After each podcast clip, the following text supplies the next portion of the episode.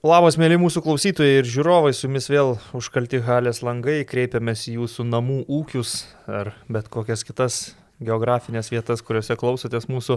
Ačiū, kad esate su mumis, ačiū, kad klausotės. Vėl kaip visada dviese su Karoliu aptarsime krepšinio aktualijas. Tai sveikas Karoli, praeitą savaitę, kai kalbėjomės, džiaugiamės pavasariu atitirpstančiomis krepšinio aikštelėmis, dabar panašu, kad antra žiemos banga už, užklupo vėl ir reiks atidėlioti visus tos krepšinio aikštelių projektus. Sveikas rytis, sveiki visi klausytojai, mus man atrodo ten pakankamai teisingai kažkuris YouTube komentatorius pamokė, kad mažiau svaikit apie tos pavasarius, pasižiūrėkit orų, orų prognozę, šiaip orų nesėku, kaip ir horoskopų, per daugais ne, nesidomiu ir nesitikiu ir, ir, ir nesiderinu savo laisvalaikio pagal, pagal būtent prognozes, ką matau už lango, pagal tai, pagal tai ir generuoju savo laisvalaikio planus, tai kažkiek nustebino tas šeštadieninis, man atrodo, prasidėjęs sniegas maždaug. Tai nu, mes, pasikeitė. Mes planai. tuo metu spaudėm maksimumą iš momento ir bandėm džiaugtis tuo, kad gerėja oras, gerėja aikštelių būklė, bet, nu ką, žinau, pasidžiaugiam vieną savaitę, dabar vėl turim sniego. Bet prie Balto jau buvo, aš porą kartų pravažiavau, tai buvo Hebras jau prisirinkę mhm. ir, ir Man atrodo, tai nesilaikė socialinio atstumo. Kitose aikštelėse irgi, kiek girdėjau, tai kažkas vat, iš pažįstamų buvo nuėję pamėtyti ten prie namų kokiose aikštelėse, tai visur sakė, kad jau ten rinkosi ir, ir, ir žaidė tikrai ne pagal, kaip sakant, reikalavimus ir 4 prieš 4 ir 3 prieš 3, nu bet kaip tu čia visus sukontroliuosi ir sužiūrėsi. Tai va, toks, toks va reikalas, turim dar vieną žiemos bangą, bet turim tuo pačiu ir besitėsiančias visas intrigas krepšinio aikštelėse, apie kurias kalbėsim, bet įžangai aš norėjau tau užduoti tokį kvizinį klausimą atspėk žaidėją principu. Nežinau, ar būsi pasiruošęs Gėlė, atsakyti. Nu tai nebūsiu, nes ko nepasakėjai. Tai, tai man tau gal ir atsakymą reikėjo pasakyti. ne, ne. Tai aš tau duosiu daug hintų, gal, gal tu atspėsi šitą žaidėją, gal ne, nes tiesiog visiškai random, aš vakar prieš miegą buvau įsijungęs VH1 kanalą, kur grojo labai seną, puikų kultinį kūrinį Nelly ir Kelly Rowland dilemą. Ten, ir, kur Kelly Rowland į Excelį rašo, į Excelį rašo SMS, taip. Ir tame klipe yra nusifilmavęs vienas ne. pakankamai garsus NBA žaidėjas ir aš tau apie jį duosiu hintų ir galbūt tu jį pasakysi, nes jis nėra All Staras, bet jis yra pakankamai aukšto profilio žaidėjas. Mm -hmm. Tai mhm nuo pat pradžių pradedant. Pradėjo NBA karjerą sudarydamas e, perspektyvų gynėjų tandemą Filadelfijoje su Alenu Iversonu. Erikas Sniegelis iš Ne, ne Erikas Sniegelis. Erikas Sniegelis jau tuo metu buvo prityręs ganėtinai žaidėjas. Ja, ja. Judam, judam toliau tada į priekį su hintais. Po to jis buvo Lebrono Jameso ginklanešys Cleveland'e, šitas turėtų gal tau pagelbėti. Erikas Sniegelis atrodo. Da, gerai, dar anksčiau tarpinė stotelė tarp Filadelfijos ir Klyveno buvo Washingtono Wizards ekipoje, kurioje žaisdamas jisai pateko į All NBA komandą, gynybos komandą, All NBA Ai, gynybos, gynybos komandą ir buvo 2005 metų lyderis lygoje pagal perimtus kamolius. Toliau. Tęs hintus dar. Jo, jo, aš laukiu, dar, kol, kol, kol, dar porą hintų turiu tada. Kol, kol bus hintas apie jo kontraktą Bielos lotomatikoje, ten kokia nors Italija. Ne, po Clevelando Cavaliers šis atletas dar žaidė Čikagos Bulls komandoje. Uh, tuomet jau pradėjo truputėlį gesti jo žvaigždė ir leisti žemyn. Uh, jo karjeros taškų vidurkis yra maždaug apie 14,5 taško.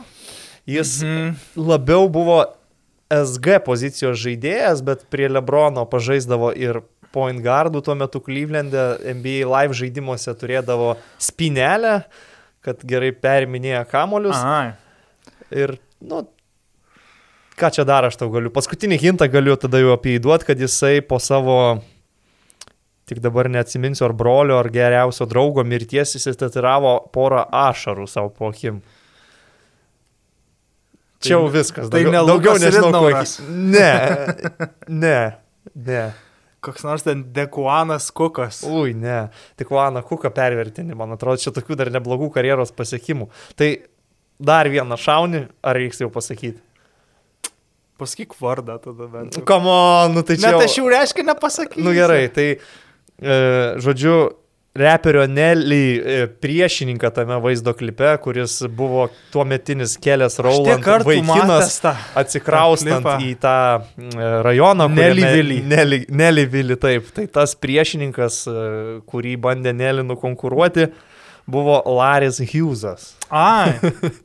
Jo, šiaip turiu atsiminti ir, ir jo neblogą žaidimą Cleveland'e ir Washington'e ir Filadelfijoje karjeros pradžioje mm -hmm. su mhm. Alenu Iversonu gan jaunu, tai nu, toks... Per daug kremų. Jis nežvaigždė, bet, bet neblogo profilio žaidėjas. Nu, okei, okay, nepasakyti, nepasakyti, kažkaip galvojau, kad gal atspėsiu. Visiškai atsitiktinai susidūriau vat, su šiuo atletu vakar ir pamačiau tą veidą ir dar jau tada pastikrinti, ar jis yra nusifilmavęs tame vaizdo klipe. Tai jo Wikipedijoje yra įrašyta, kad jis filmavosi reperio Nelly vaizdo klipe. Tai vienas didesnių pasiekimų gal per karjerą. Nu, kartu su tuo All Defensive NBA team ir 2-5 Steels leader, tai daugiau nelabai ten kas ir yra, nes jisai ne vieno čempionų žiedų nelaimėjo. O su juo nuėjo iki finalo Clevelandas 2-7. Ne, ne, ne. Bejojau, ne? Palauk. Ne, bendrai tai gal 2-7 ir buvo, tikrai buvo ten Bubi Gibsonas, mm -hmm. gynėjų grandyje, Erikas Snow. Bet Saša Pavlovičius. Saša Pavlovičius savo 27 ar buvo Larry Hughes? Jo, buvo, buvo. Buvo, ar ne? Nežinau, ar žaidė, bet tai kontraktą turėjo. Tai tik tai tiek, bet daugiau jokių titulų per karjerą nelaimėjęs šis atletas, bet NBA live žaidimuose būdavo pajėgus gynėjas ir jeigu ten žaisdavo kokius turnyrus drafto principų, tai jau ten trečias, ketvirtas ratas ir galėdavai svarstyti jį. Gerai, tai tokia lengva įžanga iš mano pusės apie Larry Hughesą. Ar galime pereiti prie Eurolygos aktualių? Nežinau, kad šiandien tu esi nemažai prikaupęs. Ir Eurolygos galvoju apie NBA Starus gal pradėti. NBA Starus gal paliekam vėliau. Nu, davai. Nežinau, tu esi šiandien pakaupęs ir LKL temų. Um, šiaip aš turiu prieš, prieš pradedant apie Eurolygą gal truputėlį pasiguosti visiems, nes labai nuvargęs jaučiuosi, tai gal planuoju Karoliu leis šiandien daugiau kalbėti, nes uh, tokia sudėtinga savaitė buvo su visom Eurolygom, nežinau ar sekėt, bet tarkim antradienį po Kauno Žalgirio rungtynių praėjus lygiai minutėjai turėjau persijunginėti į futbolą, penktadienį po Žalgirio rungtynių praėjus irgi minutėjai į Barsą Baskoniją, tada sekmadienį buvo dvi futbolo transliacijos ir po to naktį beveik penkios valandos All Starų renginio. Vakar visą dieną bandžiau atsigauti po šito viso dalyko, bet kol kas dar nelabai jaučiuosi pilnai atsigavęs ir išmiegojęs. Baigėsi? baigėsi po šešių ir aš, kadangi troliai bus su neskubėdamas važiavau namo, tai į lovą grįžau jau po septynių tik tai. Tai žodžiu, jaučiu, kad reikėtų jau perkraut galvą kokiu atostogų savaitės, bet reikia iškentėti dar iki Eurolygos reguliariojo sezono pabaigos, nes nu, tiesiog kitaip. Bet ten po tos pabaigos dar žais reguliariojo sezono toliau rungtynės nukeltas iš anksčiau. Jo, bet jau tada jų nebus tiek daug ir nebus žalgerio, galbūt tai jau išeis ten pasidėlioti, jie ne savaitę, tai bent kokias tris laisvas. Tai irgi, kad žalgeris neišeitų į to paštu. Tikrai nesirgu ne. už tai, nes to paštu, prieš to paštuonis taip ar taip yra pertrauka. Tai būtent jo. tą pertrauką aš įprastai sezono metu ir pasiemu savaitę truputį palisėti. Tai labai jau norėčiau tos pauzės, nes tikrai sunku vat ir kalbėti, užstringa kartais sakiniai, nuovargis daro savo, bet tokiai. E, Eurolyga, Žalgiris, pradėkim nuo jų. Kalbėjomės mes trečiadienį per vidurį savaitės, kai buvo sužaistos rungtynės su Asveliu, penktadienį rungtynės su Milano klubu, pralaimėtos 64-69. Mane nustebinusios rungtynės tuo, kad Milanas tą pačią savaitę šimtą taškų namie praleido nuo Fenerbahčės ir atrodė, kad turėtų būti tokios gan atviros ir rezultatyvios rungtynės, bent jau aš taip galvojau, kad bus. Milanas jo labiau dar be Zeko Lidėjos, be Malcolmo Delainį gan rimti nuostoliai. Tačiau išėjo atvirkščiai, kaip tik gynybinės labai nervingos rungtynės, labai nervingas ketvirtas kėlinys, kur, na, mano tokia nuomonė, rezumuoti viską reiktų laimėjo labiau patirtis, nes tikrai Milaną labai ištraukė ir Kyle Heinzo tie epizodai, ir, ir Šilco, ir, kitų žaidėjų toks šaltakraujiškumas, patirtis ir nepanikavimas, kai lieka tik jau plus 2 ir žalgeris turi kamolį, nes žalgeriečiai tuose momentuose, kai galėjo išlyginti arba persvert, jų atakos buvo nesėkmingos, pasibaigė klaidomis, netiksliais perdavimais. Tai va taip vertinčiau, paskui dar pereisim galbūt per kitus momentus šitose rungtynėse. Kaip tu pasvertintum, ar tai yra tiesiog žalgerio gera kova su elitinė Eurolygos komanda ir neišnaudotas šansas, atsižvelgiant, kad Milanas žaidė trečiadienį, neturi Delainį ir Lidėjaus, galbūt labiau pavargę buvo, bet Žalgeris pralaimėjo. Tai turbūt reiktų žiūrėti pagal tai, už, už ką tu sergi, ko, ko tu tikėsi iš tų rungtynių. Bet gal tai ir daro geros komandos, jeigu vieną dieną prasileidžia šimtą taškų, padaro išvadas, išmoksta iš savo klaidų ir, ir kitos rungtynės kaip tik gaunasi labai gynybinės. Heinzas su, su Šilcu darė gerus dalykus aikštėje, abu žaidėjai iš esmės per 48 valandas uždė dvi rungtynės, kuriuose abiejose iš esmės uždė po, po 30 minučių, iš vis Šilcas. Plus dar kelionė. Žinoma, žinoma. Na, Žalgiris visą savaitę buvo namie. Uh, plus šiaip Šilcas turbūt šį sezoną pakilo man, nežinau, iki gal ne top 10, bet gal iki antros, tarkime, Eurolygos komandos galbūt ir bus pasirinktas į ją sezonui einant į, į antrąją pusę.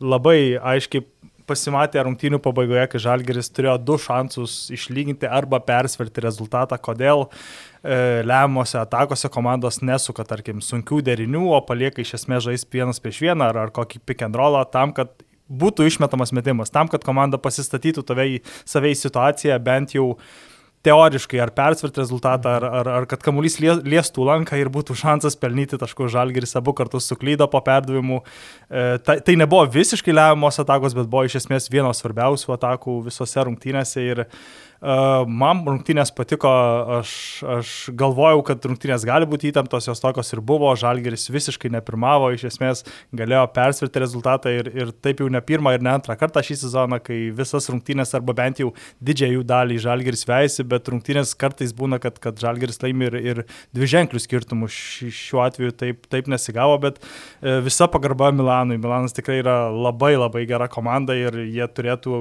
neapsiriboti nei playoffais, nei finalo ketvirto, bet, bet manau jų mintis yra į pagrindinį titulą šiemet. Bet čia labai daug turbūt priklauso ir nuo tų traumų, nes tarkim Milanas su Delainiu ir Ledėjumi atrodo labai grėsmingai, kaip tikrai gal potencialiai Eurolygos čempionai. Praradę šios krepšininkus rotacijų vis tiek turi problemų. Ledėjų šį sezoną vienas geriausių sunkių kraštų Eurolygoje. Jeremy Evansas atvažiavo naujas veidas, bet kaip matėm Kaune rungtynėse, jam dar daug reikia laiko ir formą pasiekti ir mesiną supras, nes pridarė klaidų, pražangų nereikalingų. Šį sezoną niekur jis jau. Niekur, slab, aš gan, gan ilgai Himki atsimenu. Tai va, jisai Himki žaidė, bet dabar gan ilgai buvo be krepšinio, nu turbūt gautus su visa pandemija kokie metai be krepšinio, tai žinai, kol jisai grįž atsigaus, gal net sezonas baigsis iki to. Tai neaišku, kiek jisai bus pajėgus jiems pagelbėti, tai rotacijoje tenka dabar perstumti Panterį į žaidėjo poziciją, nors jis yra toks grinas antras numeris, koreris, tada Michaelas Raulas kartais įžeidinėja kamolį, Sergio Rodrygėsas vis tiek yra veteranas, jam 20-23 minutės Sočiai Eurolygoje daugiau iš jo gal sunku būtų reikalauti, tai jeigu visi sveiki ir pasiruošę, tarkim, playoffams grįžta aikštelė pilna sudėtimi, aš irgi manau, kad jie turi galvoti apie titulą, bet šiuo metu jiems ne pats lengviausias etapas ir tikrai nėra aišku, kokią, tarkim, vietą jau užimtų reguliariajame sezone. Aišku, pergalė prie žalgį jiems buvo žiauriai svarbi, nes jei būtų pralaimėję, tai net ir tas pats žalgeris atrodytų pakankamai arti turnyro lentelėje, ten iš 9 ir 8 vietos ir net negaliu užsidėti dar varnelės dėl patekimo į playoffus, tai jiems po to, kai pralošė Fenerbahčia klubui namuose, labai reikėjo nugalėti žalgerį.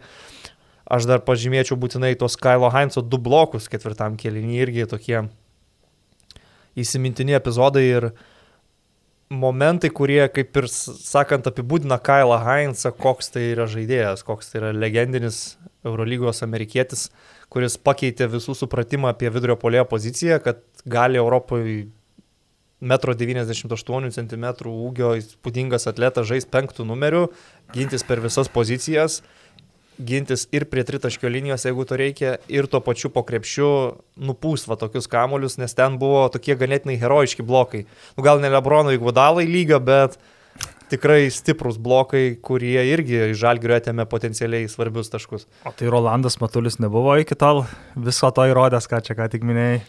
Buvo, Išskyrus šuolį, bet vis visą bu, kitą jis ir pats darė. Buvo galbūt LKL lygyje, bet dar netgi reikėtų atsižvelgti, kad Rolandas Matulis gal daugiau pažaisdavo ir ketvirtoje pozicijoje, kiek aš pamenu, bet... Blambu, kad sakalai neturėjo gal tokio... Gal ir aukšto, taip pe ketvirtam keliui. Nenoriu nusisvaigti labai, bet... Na, net dar, dar nebuvo net ketvirto kelio, iš esmės antroji rungtynių pusė, da sakalai žaisdavo Small ballą before small ballas. Nu, bet irgi tiktų toks geležinis žmogus, aš irgi pilnai įsivaizduočiau Kailą Heinzą, tarkim, po krepšinko karjeros nueinantį kur nors dirbti krašto apsaugoje. rimtose pareigose, nes nu, jis toks atrodo tinkamas tam. Tvirtas vyras. Jo, Jo, jo. jo Heinzas labai lengvai prisimdavo kamuolį ten ant tritaškę, tada, pavyzdžiui, labai man patiko, kaip jis gebina skūlino, prasiveržimas, bauda, mm. prasiveržimas, taškai, labai aiškiai matėsi tas, tas lygių skirtumas. Mesina jį išnaudoja šiek tiek kitaip, gal į Tudžio komandų jis neturėjo tiek daug laisvės improvizacijoms, tarkim, Mesina jį išnaudoja kaip tokį net kamuolį žaidinėjantį centrą. Jisai kartais Jo būna, kad persivaro vidurį. kamuolį per aikštelę, daug tokių vat, prasiveržimų nuo tritaškio linijos, kaip ir tu minėjai. Jei žiūrėtume CSK komandų, jį daugiau polime išnaudodavo grinai pick and rollams, vienas prieš vieną, kad jis žaistų, apžaidinėtų žmogų su kamoliu, retai ten pasitaikydavo, dabar jis turi daugiau tokių vat, funkcijų polime, bet pagrindė išlieka jis vienas iš tų elitinių žaidėjų Eurolygo dėl gynybinių įgūdžių, dėl to, ką jis duoda gynyboje ir šiaip vienas stabiliausių žaidėjų, vienas geriausių amerikiečių turbūt tuo aspektu, kad jis geriausiai supranta Eurolygą, Europos krepšinį, šiaip yra labai protingas žmogus, turi savo podcastą, kurio Mhm. visai įdomu paklausyti, kai jis pakalbina kitus žaidėjus. Man po to, kad žaidėjau iš užtvaros išlyst, įsivaizduoju, kad, kad ten yra reikalų.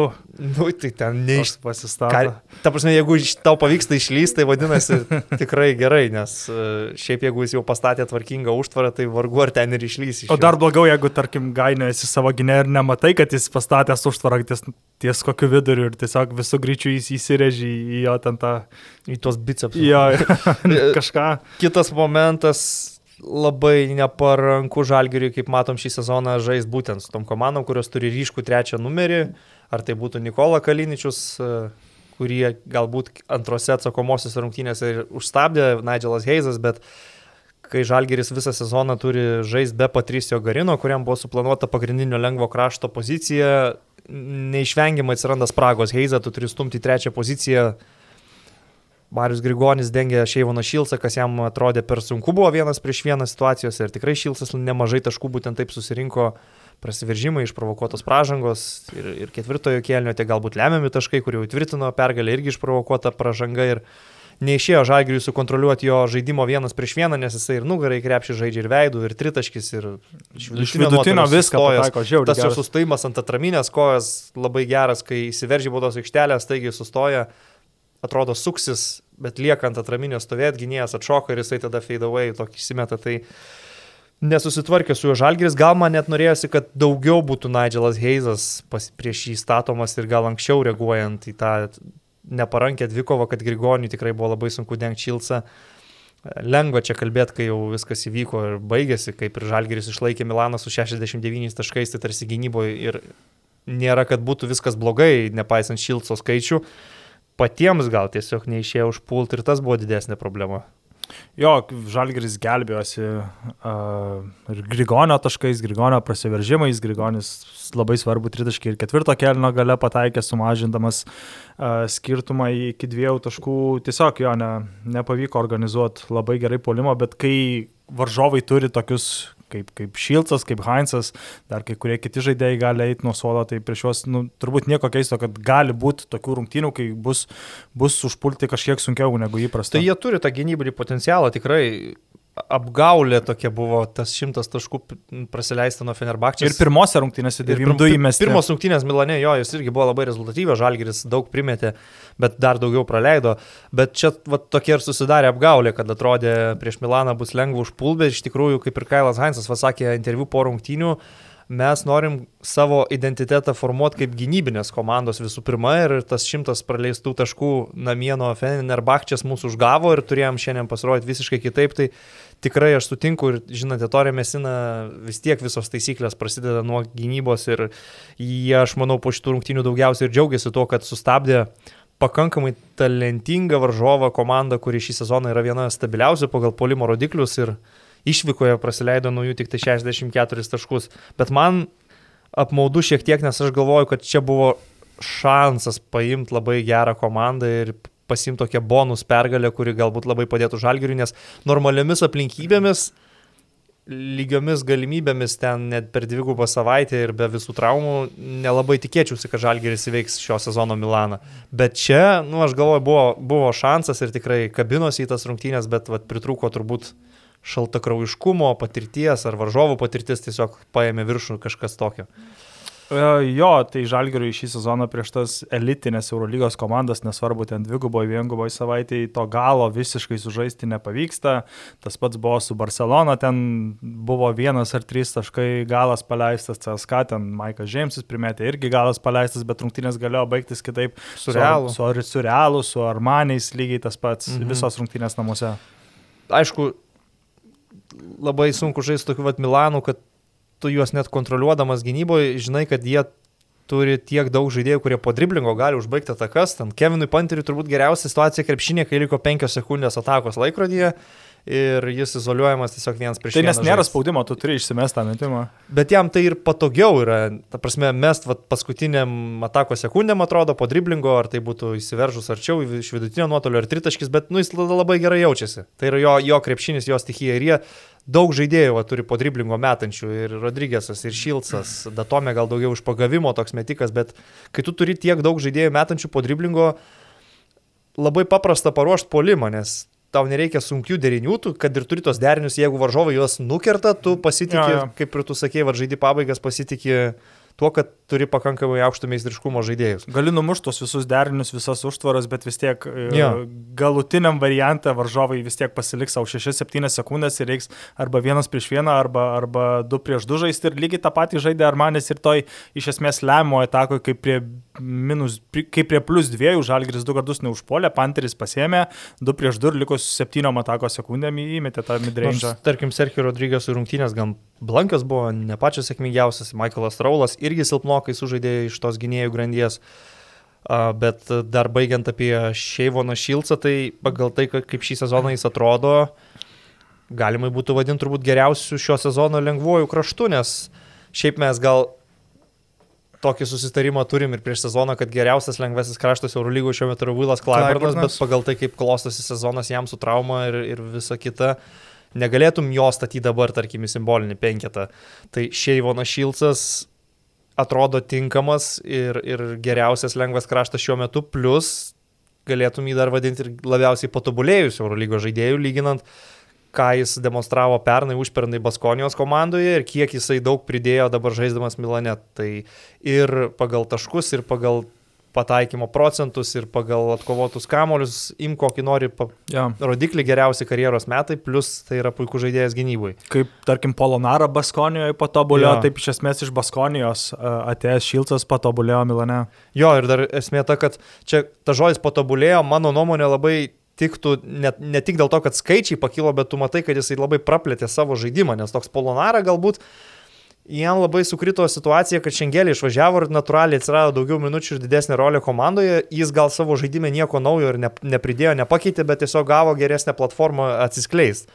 O Šilcas Baskonijai buvo svarbus žaidėjas, atėjo Milano komanda, kur irgi svarbus žaidėjas, bet aš matau jį darantį dalykus polime, kurių jis niekada anksčiau nedarė. Tai vad būtent tie, kaip sakiau, prasiveržimai fade away ant atraminės kojos išsilaikant, tritaškių pataikymas pagerintas radikaliai ten arti 50 procentų atakuoja šį sezoną, žaidimas, žaidimas nugarai krepšį jį išnaudoja, aišku, taip stipriai, bet kai tave taip stipriai išnaudoja komandoje, kurioje aplinkui žaidžia Panteris, Čiačio, Mitsovas, Datome, kur visi laukia savo metimų ir gali juos įmesti, o tu esi tarp jų ryškiausias, nu tai manau žodis patobulėjo, čia labai laikų ir vietoj toks pavartotas. Uh, Aš jau net nežinau, kad Šilcas žaidė, tarkim, Frankfurto Skyliners ar ten Trento, ta pati karjeros pradžia iškart po keturių metų koledžė, tai aišku, reikėjo užsitarnauti savo vardą, savo, pradėti savo karjerą neužsikabinus MBA, tai pasirinktas toks kelias ir panašu, kad jeigu jis negrįž į NBA, nes tarkim yra tokių amerikiečių, kurie atvažiuoja į Europą laikinai,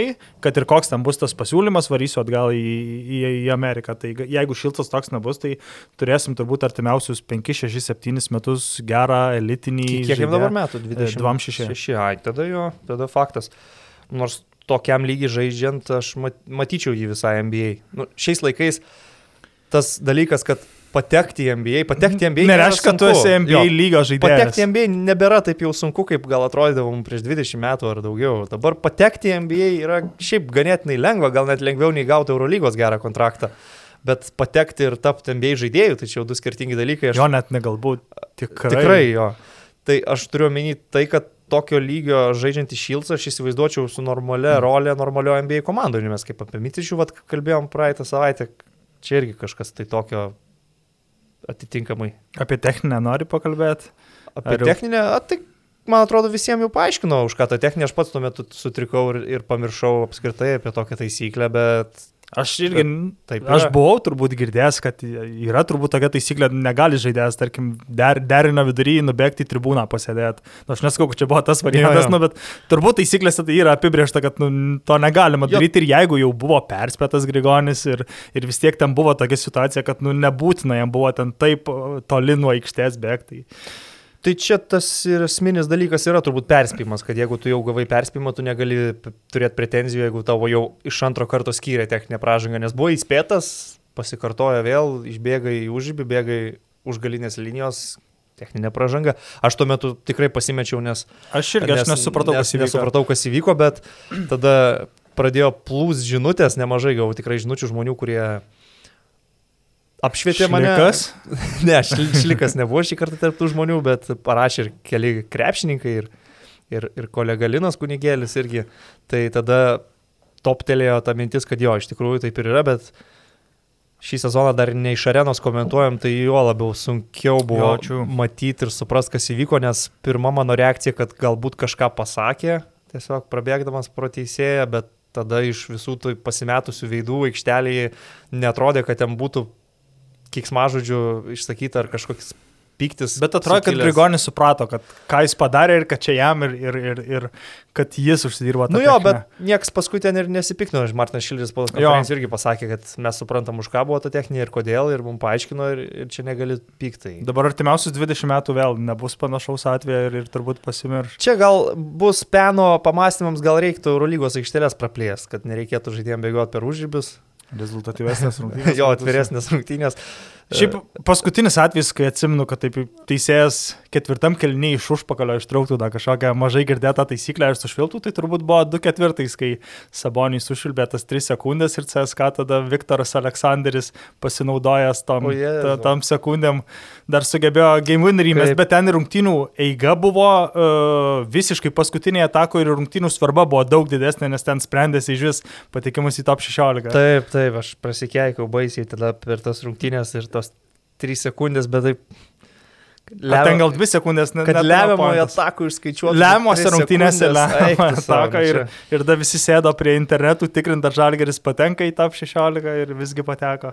Ir vėliau, aišku, įvyko tas, kas įvyko Tel Avive. Ne, nu matai, su taisyklėm tas yra dalykas, kad dažnu atveju gali susidurti su tokiais momentais, situacijomis, kai tu netgi žinai taisyklę, bet iš įvairių detalių turi išplaukti kažkokia tai interpretacija, dar ypač dabar, kai yra vaizdo peržiūros, sakykime, buvo rungtynės Stambulo derbėje, kur skyrė pražangą polime Guduričiui e, už uh, užtvarą be kamulio, bet tuo pačiu tą užtvarą statant dar ir Berots Dunstonas kėlė alkūnę ir pataikė Ai, mhm. truputį guduričių į veidą iš tos. Ten, kur galima ir nesportinę, gal net. Tai tada jo, tu eini žiūrėti prie monitoriaus, tu negali peržiūros metu atšaukti Guduričiaus pažangos polime, bet prie to tu gali dar pripaišyti nesportinę Dunstonų už nesportišką elgesį, nes atseit alkūnę trenkė į veidą. Mhm. Nu, ten pasižiūrėjo, kad nebuvo tyčinio kažkokio smūgio, tai neskiria nesportinės, bet vis tiek susiduri su visokiais tokiais niuansais, kur ir paprastas žiūrovas, ir nu man kaip komentatoriui kartais labai sunku susigaudyti ir taip staigiai susiorientuoti, kokia čia dabar taisyklė ir kaip čia dabar interpretuos.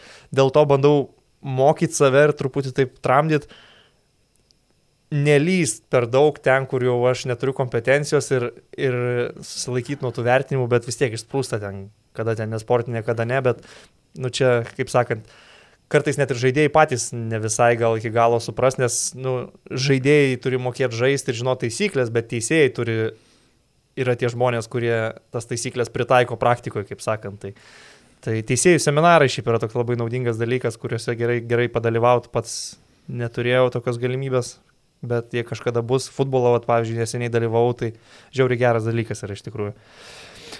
Tai turbūt tiek užteks apie Žalgerį ir Milano Olimpiją, apie tas konkrečias rungtynes, gal tada dar truputį pakalbėkime apie Žalgerio perspektyvas turnyro lentelėje. Po dvigubos savaitės. Čia reikia kalkuliatorių išsitraukti. 15 pergalių, 13 pralaimėjimų. Man atrodo, ta dvigubos savaitė buvo pakankamai nebloga. Aš taip ir galvojau, kad pasimti bent vieną pergalę iš tų dviejų rungtynių būtų gerai. Uh, tą ir padarė Lietuvos čempionai, dabar yra devintoji vietoj. Skaičiuojant dėliojant ten matematiškai 19 pergalių galėtų užtekti, bet galėtų ir neužtekti, norint patekti. Nu, čia kosmosas, kad 19 rungtynių, 19 pergalių gali neužtekti. Jo, patektų. iš tikrųjų nerealu. Pralašy tik 15 rungtynių per sezoną ir net nepatenki į top 8. Tikrai nereali konkurencija čia šį sezoną, bet visai realu, kad ir neužtektų 19 pergalių, ten turbūt įsijungtų visi tie tarpusavio pranašumai. Uh, Čia jau apie 19 pergalių svarstant, nebejotinai tu turi nugalėti Müncheno Bayerną, kuris ir, irgi viena iš tų komandų pretenduojančių į top 8. Tai atrodo ganėtinai komplikuotas, sunkus tas kelias, nes žinom, kad dabar bus e, du mačai Stambule, Anadolu FS karščiausia Eurolygos komanda, Fenerbakčia viena karščiausia Eurolygos komandų. Labai sunku išvelgti čia potencialias pergalės, tai tuomet jau turi rinkti vis, visą kitą, kas, kas lieka. Tai nežinau, kiek dabar reikėtų į tai dėti lūkesčių ir vilčių.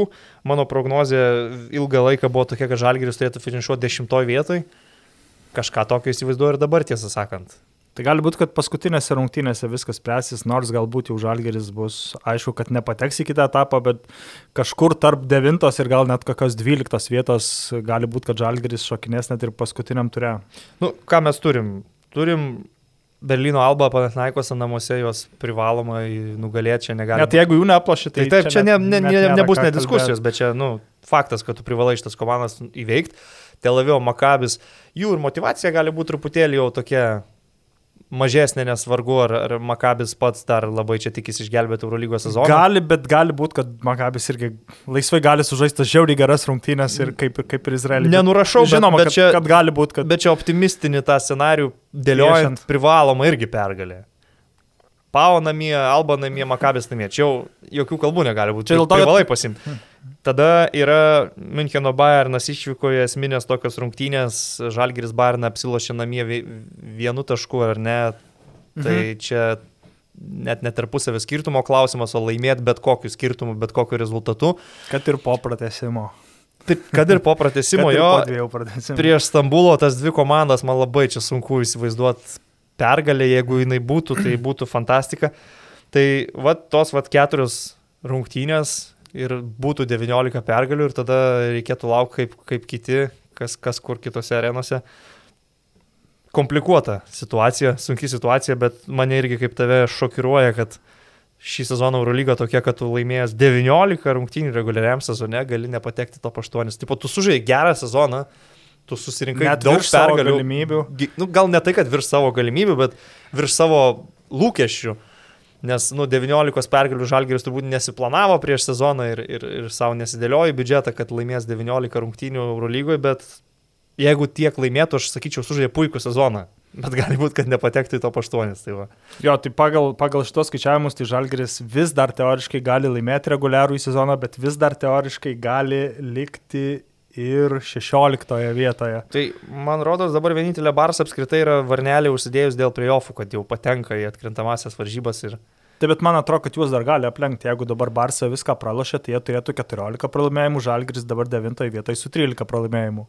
Mhm. Tai gali būti, kad, kad ten tarpusavį vis tiek žais ir kažkas kažką laimės ir, ir, ir turbūt, kad Barsa užsitikrina, bet turbūt nėra didelio skirtumo, kada Barsa užsitikrins, nes jie šiaip ar taip pateks ir turbūt, turbūt ne, tai, pirmoji vietoje. Tai taip, taip, faktas.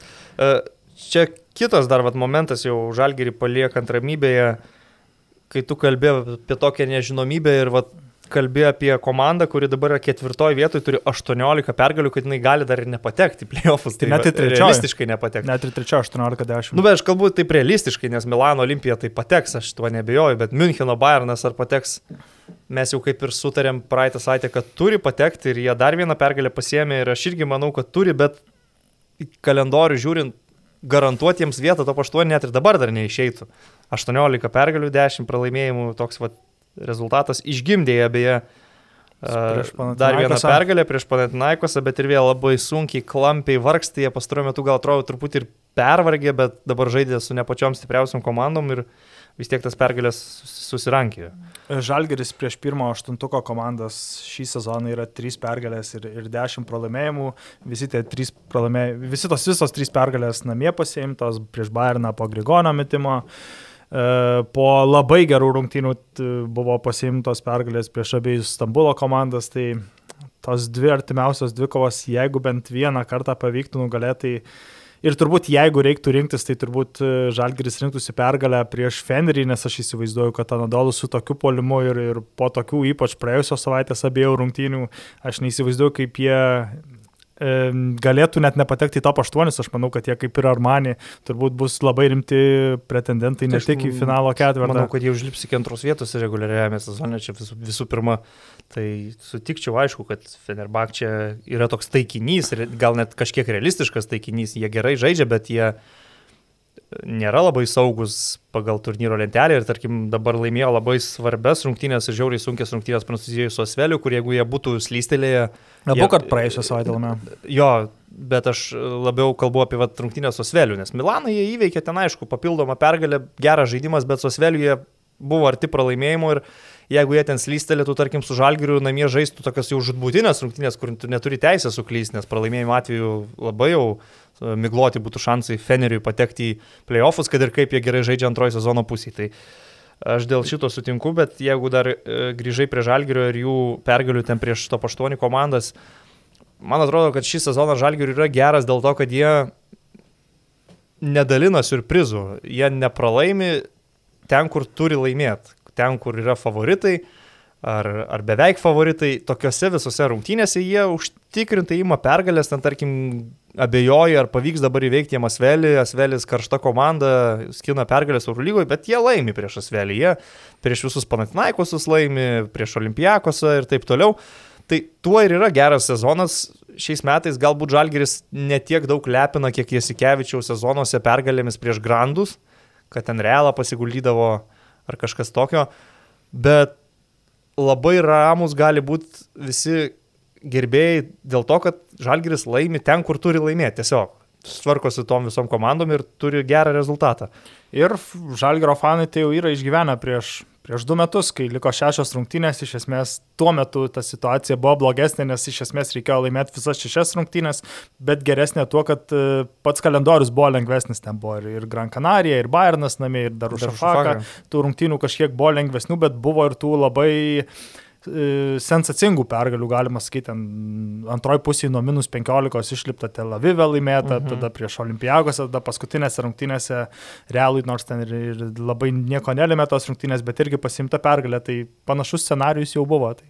Jo, ir tiesiog mes tą sezoną rezumuosim jau, kai jisai baigsis, aišku, bet aš jau dabar netgi nepriklausomai iki paskutinė atkarpa susiklostytų, įvertinčiau tikrai teigiamai ne tik dėl rezultato ar ten vietos turnyro lentelėje, bet džiugina žaidimas. Pirmus mėnesius kilo abejonių, ar Martinas Šileris yra tinkamas Eurolygos. Nors pergalės strategas. buvo. Pergalės buvo, bet tuo metu varžovai ten COVID-19 iš lovų pakilė ir abejodavau tą kokybę ar, ar apskritai gynybą. Iš pradžių atrodė, kad jie neturi aiškios gynybos, kad Eurolygoje galėtų konkuruoti dėl, dėl playoffų. Ta gynyba išsiriškino šiek tiek vėliau, jau prieš naujus metus, sakyčiau.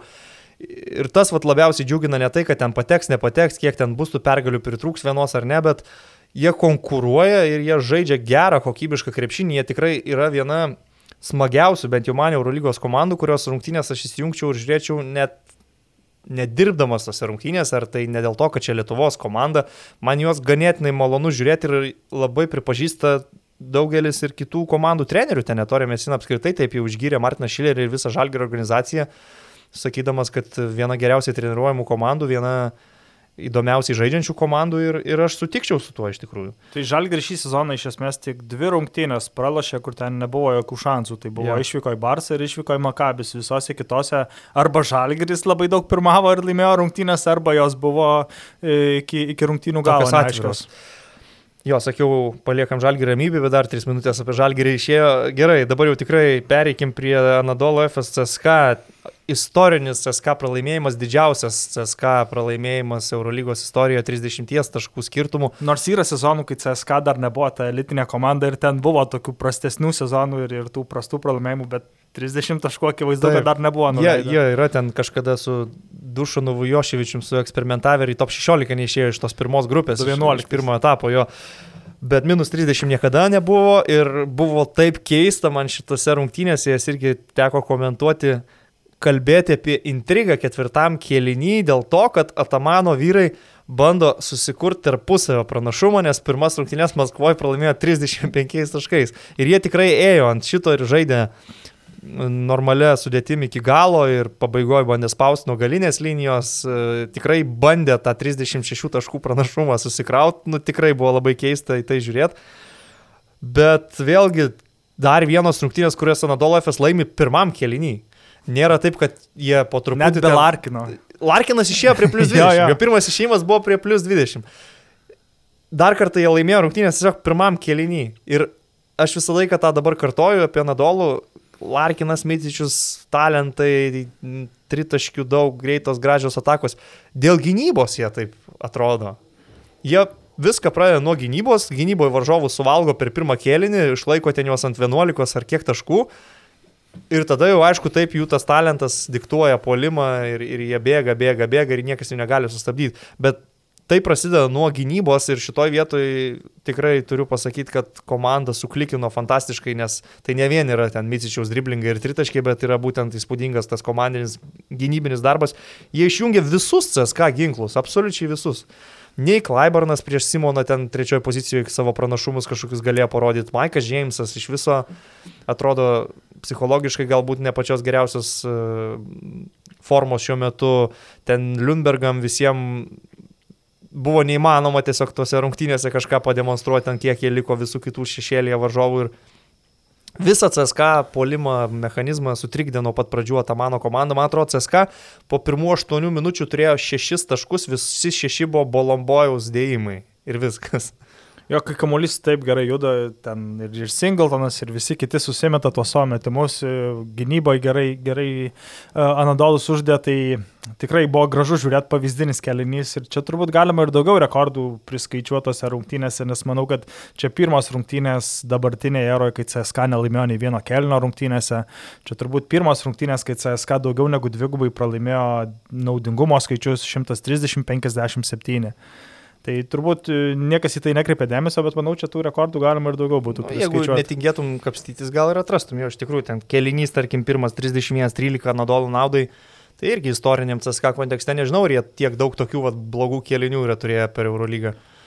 Gal. Ne, tai gal yra, ir yra, aišku, aš čia Gal net prieš Olimpijakos, prieš porą savaičių. Nesiuošiau ir neieškojau specialiai kažko tokio, bet jo. Bet vis tiek, kai pralaimė 18 taškų, vis tiek tos ta e, stipri komanda, tarkim, kandidatė į titulą dažnai grįžta į tas rungtynės arba bent jau sumažina tą skirtumą iki ten 18, iki 12, iki 10, bet, bet čia nei vieno kelno net nelaimėjo. Truputį šiurpina netgi žiūrėti tą Nadolo FSO formą, jie tokią formą pagavo būtent artėjant atkrintamosiams varžyboms. Akivaizdu, kad pačiu tinkamiausiu laiku vėl pradėjo žaisti tą praėjusiu metu krepšinį, iki pandeminį krepšinį, kai jų niekas negalėjo sustabdyti. Aišku, dabar jų MVP labiau yra Micičius nei, nei Larkinas, bet vis tiek tai yra sunkiai stabdoma komanda ir šiurpina va žiūrėti juos ir taip tada pagalvoju, kad gerai Barsa yra potencialus reguliariojo sezono nugalėtojai, greičiausiai tokie ir bus palengvėjimas jiems, kad nereikės žaisti serijos tokių anadolų, nes jeigu reikėtų žaisti seriją, tai greičiausiai bet kuriai komandai sezonas čia ir pasibaigtų šiuo metu. Finalo ketvirtį bus vienos rungtynės, ten visko gali tikėtis, bet serijoje su tokiu anadolu aš nematau komandos, kuri prieš juos dabar laimėtų iki trijų pergalių.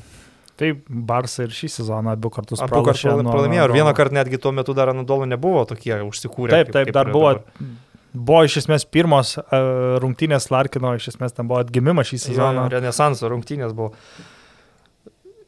Įspūdį paliko be jokios abejonės tai, kas įvyko ten, šokiravo netgi iš dalies, vis tiek galvojau, kad bus gera kova, pirmas rungtynės ten Caskajos daužė, bet prisiminus, kad pernai, pavyzdžiui, irgi Anadolo FSS dominavo reguliariam sezonė, bet atvažiavo CSK į Stambulą ir su Michael Jameso buzzeriu laimėjo tas rungtynės, tai galvojau, kad kažkas tokio gali būti, bet... Ir Anadolu pernai buvo ta komanda, kuri vėliausiai baigė nutrauktą sezoną, nes Turkija ten bandė iš esmės dar tęstą sezoną, visi skundėsi, bet, bet taip jau buvo. Ir aišku, šią, šį savaitgalį Anadolu nutraukė savo 22 pergalių Turkijos čempionate mhm. seriją, kas aišku nėra baisiai svarbu, bet... Jo, ten jie ir žiūrovai jau šiek tiek įsileidžiantys, e, truputėlį jautėsi toks palaikymas, kažkokia tai atmosfera, bet sakau dar grįžtant prie CSK, tai tarsi jau ir turi tą normalią sudėtį, pasipildė Lundbergų, Michael Eriku, Šengelį atsigavęs, po traumos Klaiburnas atsigavęs, Maikas Džeimsas grįžo, bet Maikas Džeimsas grįžo netoks. Kažkas dar jam yra negerai tikrai. Netrodo, kad jisai pats šiuo metu labai gerai jaučiasi aikštelėje ir tas pasimato ir iš jo vangumo tokio sprendimų prieimimo, netgi netiek daug jisai atrodo nori tų metimų išsimesti ir dar tikrai nėra toks, koks jis buvo iki savo pauzės, sakykime taip.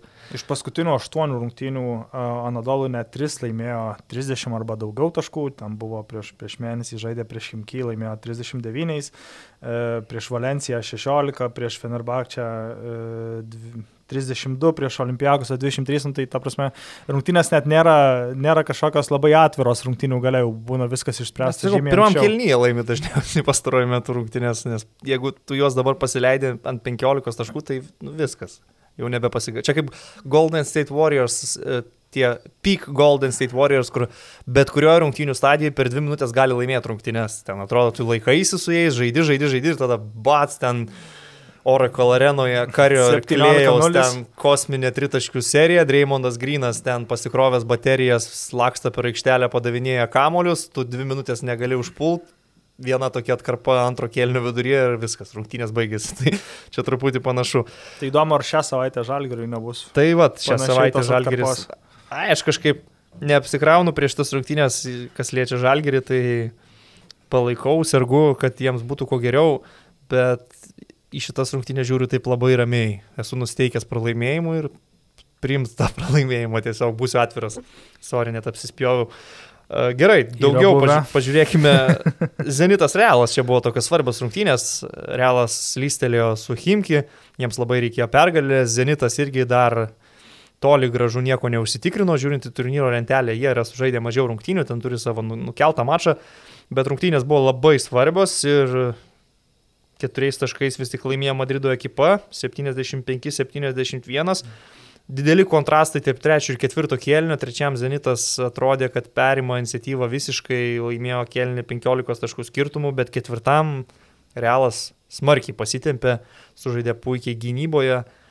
Ir čia irgi kaip pat apie Milaną Kaune turbūt galima buvo pasakyti, taip ir čia apie Realą Sankt Peterburgė, kad ta patirtis didžiulė žaidėjų ir komandos patirtis kartu su treneriu, su to pačiu kolektyvu va tokiuose rungtynėse, tokiais momentais turbūt ir pasirodo. Aš dėl to ir spėjau tiek praėjusią sezoną, tiek praėjusią savaitę, tiek ir už praėjusią, kad Realas šiaip ne taip kažkaip, kažkaip tose sunkiose rungtynėse iškentės dėl savo patirties, dėl savo, dėl savo talento, nors tie dauguma žaidėjų yra ir, ir vyresni, jau antroje savo karjeros pusėje tiesiog iškentės ir pateks į to paštuonis. Ten, aišku, bus atskira istorija, kaip jiems ten seksis, bet čia buvo vat, būtent tokios rungtynės, kai Zenitas atrodė, kad perlaužinėjo, bet e, Realas susigynė gale per per paskutinės keturias minutės prasileido tik tai du metimus, lemiamose atakose Zenitas negalėjo niekaip užpulti, atrodo, kad eina, e, eina po krepšiu, bet ten Tavaresas yra, ten toks poitrisas bando dėti, bet, bet Tavaresas vis tiek sugeba greitai susirotuoti gynyboje, uždeda stogą ir, ir lemiamų metų tiesiog atstovėjo gynyboje. Jo, jiems tas vadinamasis Tavarešo efektas labai sugrojo šitose rungtynėse, aš dar išskirčiau Gabrielį Deką, kuris pastaruoju metu rodo puikią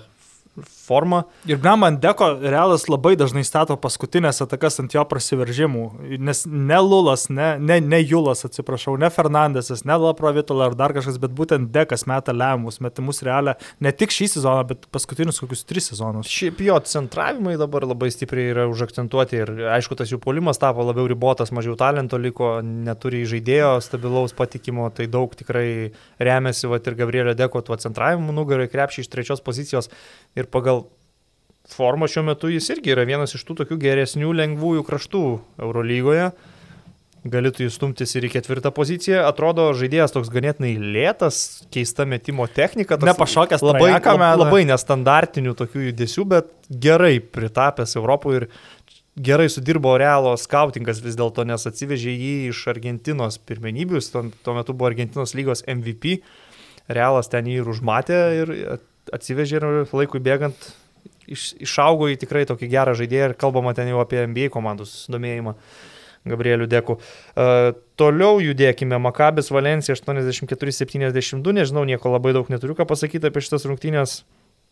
Valencijos šansus gerokai pristabdo toks pralaimėjimas dėl to paštuonio, Makabė Na. tie šansai nežinau, kiek dar apskritai egzistuoja. Jo, Makabis, man atrodo, kaip ir Asvelis, iš esmės tie šansai neegzistuoja, o Valencija, tarkim, jeigu būtų apsigynus nuo to Grigonio metimo ir dabar būtų Valencija ta komanda, kuri, kuri yra bu, už burbulo iš karto devinta komanda, tai jo Valencijos ir, man atrodo, tvarkarštis yra kažkiek lengvesnis negu Žalgirio, plus jie turi savo tarpusavį pranašumą su Zenitu, dabartinė Mhm. aštunta, komanda, tai jeigu ne tas pralaimėjimas Žalgiriui, bet nu, jo, dabar pralašė ir Makabį, tai Nu, bet žinai, čia su tais jeigu... Taip, taip, suprantu, galėtų aš su- prisiminti, kaip jie Makabė patys buvo nugalėję pirmose rungtynėse. tai, tai, tai tas Tai- pats ir su Žalgiriu, jeigu nebūtų tai čia- įmetę ten Bayernui ar dar Visada kažkam. tai, kas, jeigu skaičiuosi, kas būtų, jeigu būtų, tai viena komanda vietoj savo dabar ten 14 pergalių gal liktų su 9, o ta, kur turi 9, gal turėtų 15. Tai toks olimpiakosas, kiek ten sudegė pabaigų absurdiškų. Uh, Bayernas Pantnaikos jau šiek tiek minėjau, 5 taškais laimėjo 76-71 namie prieš graikų komandą penktadienį Eurolygoje, kaip ir laukiam Barsos Baskonijos rungtynių. Labai keistos rungtynės baigėsi rezultatu 71-57. Ir čia jau Baskonija gale susimetė tuos taškus, ten galėjo turbūt baigti ir nesumetus 50.